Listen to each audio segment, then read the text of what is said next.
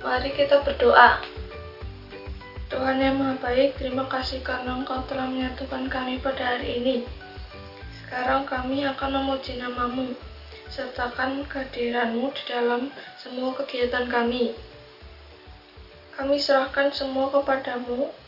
Di Amin. Mari kita nyanyikan lagu Kaulah Harapan.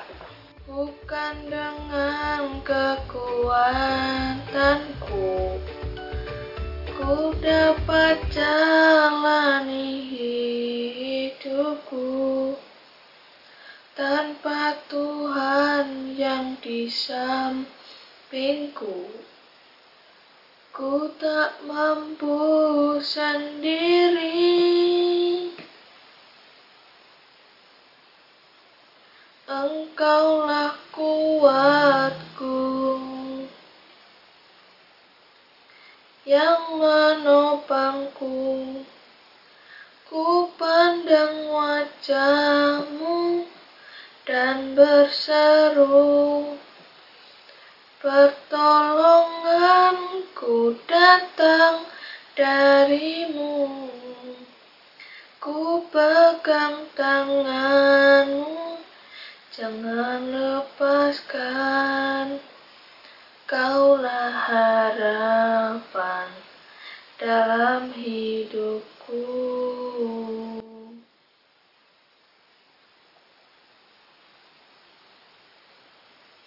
Bukan dengan kekuatanku, ku dapat jalani hidupku tanpa Tuhan yang di sampingku. Ku tak mampu sendiri. Engkaulah kuatku yang menopangku. Ku pandang wajahmu dan berseru Pertolonganku datang darimu Ku pegang tanganmu Jangan lepaskan Kaulah harapan dalam hidupku udah pada siap belum nih buat mendengarkan firman Tuhan? Nah, kali ini Kak Risa mau menceritakan firman Tuhan yang ada hubungannya dengan pantai. Pasti di sini adik-adik semua suka banget kalau kalian nih lagi main ke pantai.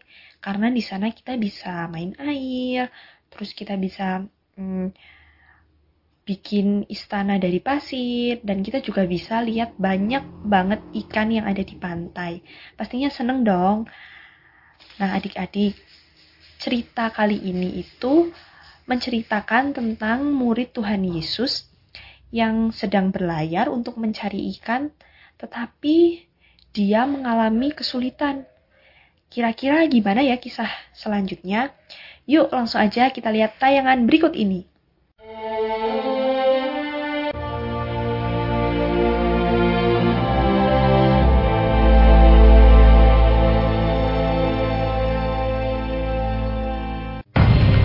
Kemudian Yesus menampakkan diri lagi kepada murid-muridnya di pantai Danau Tiberias.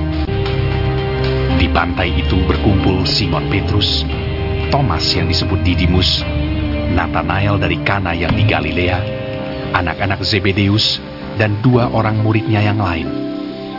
Kata Simon Petrus kepada mereka, Aku pergi menangkap ikan. Kata mereka kepadanya, Kami pergi juga dengan engkau. Mereka berangkat lalu naik ke perahu.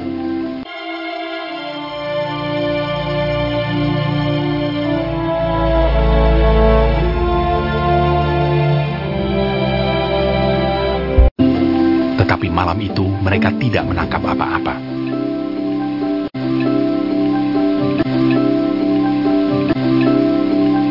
Ketika hari mulai siang, Yesus berdiri di pantai akan tetapi murid-murid itu tidak tahu bahwa itu adalah Yesus. Kata Yesus kepada mereka, Hai anak-anak, adakah kamu mempunyai lauk pauk? Jawab mereka. Tidak ada. Maka kata Yesus kepada mereka, Tebarkanlah jalamu di sebelah kanan perahu, maka akan kamu peroleh. Lalu mereka menebarkannya dan mereka tidak dapat menariknya lagi karena banyaknya ikan. Simon Petrus naik ke perahu lalu menghela jala itu penuh ikan-ikan besar. 153 ekor banyaknya. Dan sungguh pun sebanyak itu, jala itu tidak koyak. Maka murid yang dikasihi Yesus itu berkata kepada Petrus, Itu Tuhan. Ketika Petrus mendengar bahwa itu adalah Tuhan, maka ia mengenakan pakaiannya, lalu terjun ke dalam danau. Murid-murid yang lain datang dengan perahu karena mereka tidak jauh dari darat, hanya kira-kira 200 hasta saja, dan mereka menghela jala yang penuh ikan itu. Ketika mereka tiba di darat, mereka melihat api arang, dan di atasnya ikan dan roti. Kata Yesus kepada mereka, Bawalah beberapa ikan yang baru kamu tangkap itu. Marilah, dan sarapanlah. Tidak ada di antara murid-murid itu yang berani bertanya kepadanya, "Siapakah engkau?" Sebab mereka tahu bahwa Ia adalah Tuhan. Yesus maju ke depan, mengambil roti dan memberikannya kepada mereka. Demikian juga ikan itu. Sesudah sarapan, Yesus berkata kepada Simon Petrus, Simon anak Yohanes, apakah engkau mengasihi aku lebih daripada mereka ini? Benar Tuhan. Engkau tahu bahwa aku mengasihi Engkau. kata Yesus kepadanya, Gembalakanlah domba-dombaku. untuk kedua kalinya. Apakah engkau mengasihi aku? Benar Tuhan. Engkau tahu bahwa aku mengasihi Engkau. Gembalakanlah domba-dombaku. Untuk ketiga kalinya, Apakah engkau mengasihi aku? maka sedih hati Petrus karena Yesus berkata untuk ketiga kalinya, Engkau tahu bahwa aku mengasihi Engkau. Kata Yesus kepadanya, Gembalakanlah domba-dombaku.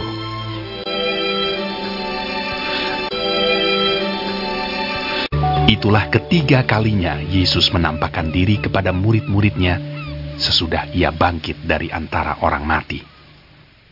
Nah, adik-adik, dari cerita itu bisa kita lihat bahwa Petrus dan muridnya sudah hampir putus asa karena semalaman tidak mendapatkan ikan. Tapi tiba-tiba Yesus datang untuk menolong mereka dengan cara menyuruhnya untuk menebar jala ke arah yang berbeda. Dan benar saja, jala itu langsung dipenuhi dengan banyak sekali ikan. Kemudian adik-adik setelah itu Petrus langsung menghampiri dan mendekati Tuhan Yesus. Dari cerita tersebut bisa kita pelajari adik-adik bahwa Yesus ingin Petrus percaya jika Yesus itu bangkit dan selalu menolong anak-anaknya. Begitupun dengan kita, kita pun harus selalu percaya dan mengandalkan Tuhan dalam segala perkara. Jadi di sini kalau adik-adik lagi mengalami kesulitan, tidak perlu takut. Adik-adik harus berdoa kepada Tuhan Yesus.